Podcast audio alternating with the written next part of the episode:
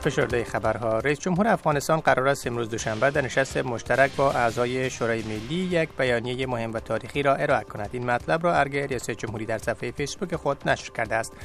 در همین حال روز یکشنبه ارگ ریاست جمهوری به طالبان هشدار داد که دروازه مذاکره بر روی آن گروه فقط برای مدت محدودی باز خواهد بود.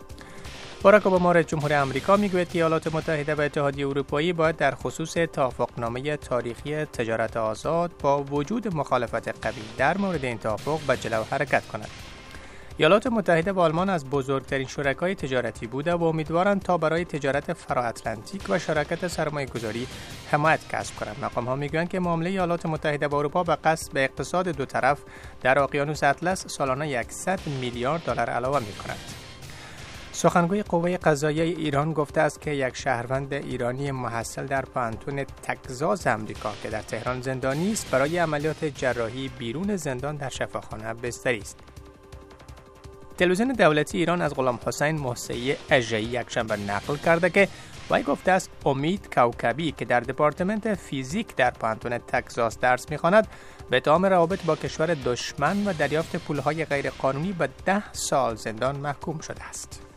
محمد خاتمی رئیس جمهور اصلاح طلب پیشین ایران از ایرانی ها خواسته است تا در دور دوم انتخابات پارلمانی آن کشور به تاریخ 29 اپریل شرکت کنند. سرجم 136 کاندید قانونگذار برای کسب 68 کرسی مورد مناقشه در پارلمان ایران رقابت می کنند. مقام های حکومتی مصری ده ها فعال را قبل از اعتراضات پلان شده ضد حکومتیشان به روز دوشنبه که قرار برگزار شود بازداشت کردند. این مطلب را یک گروه وکلای مدافع گفتند که فهرستی از 59 توقیف شده را نشر کردند.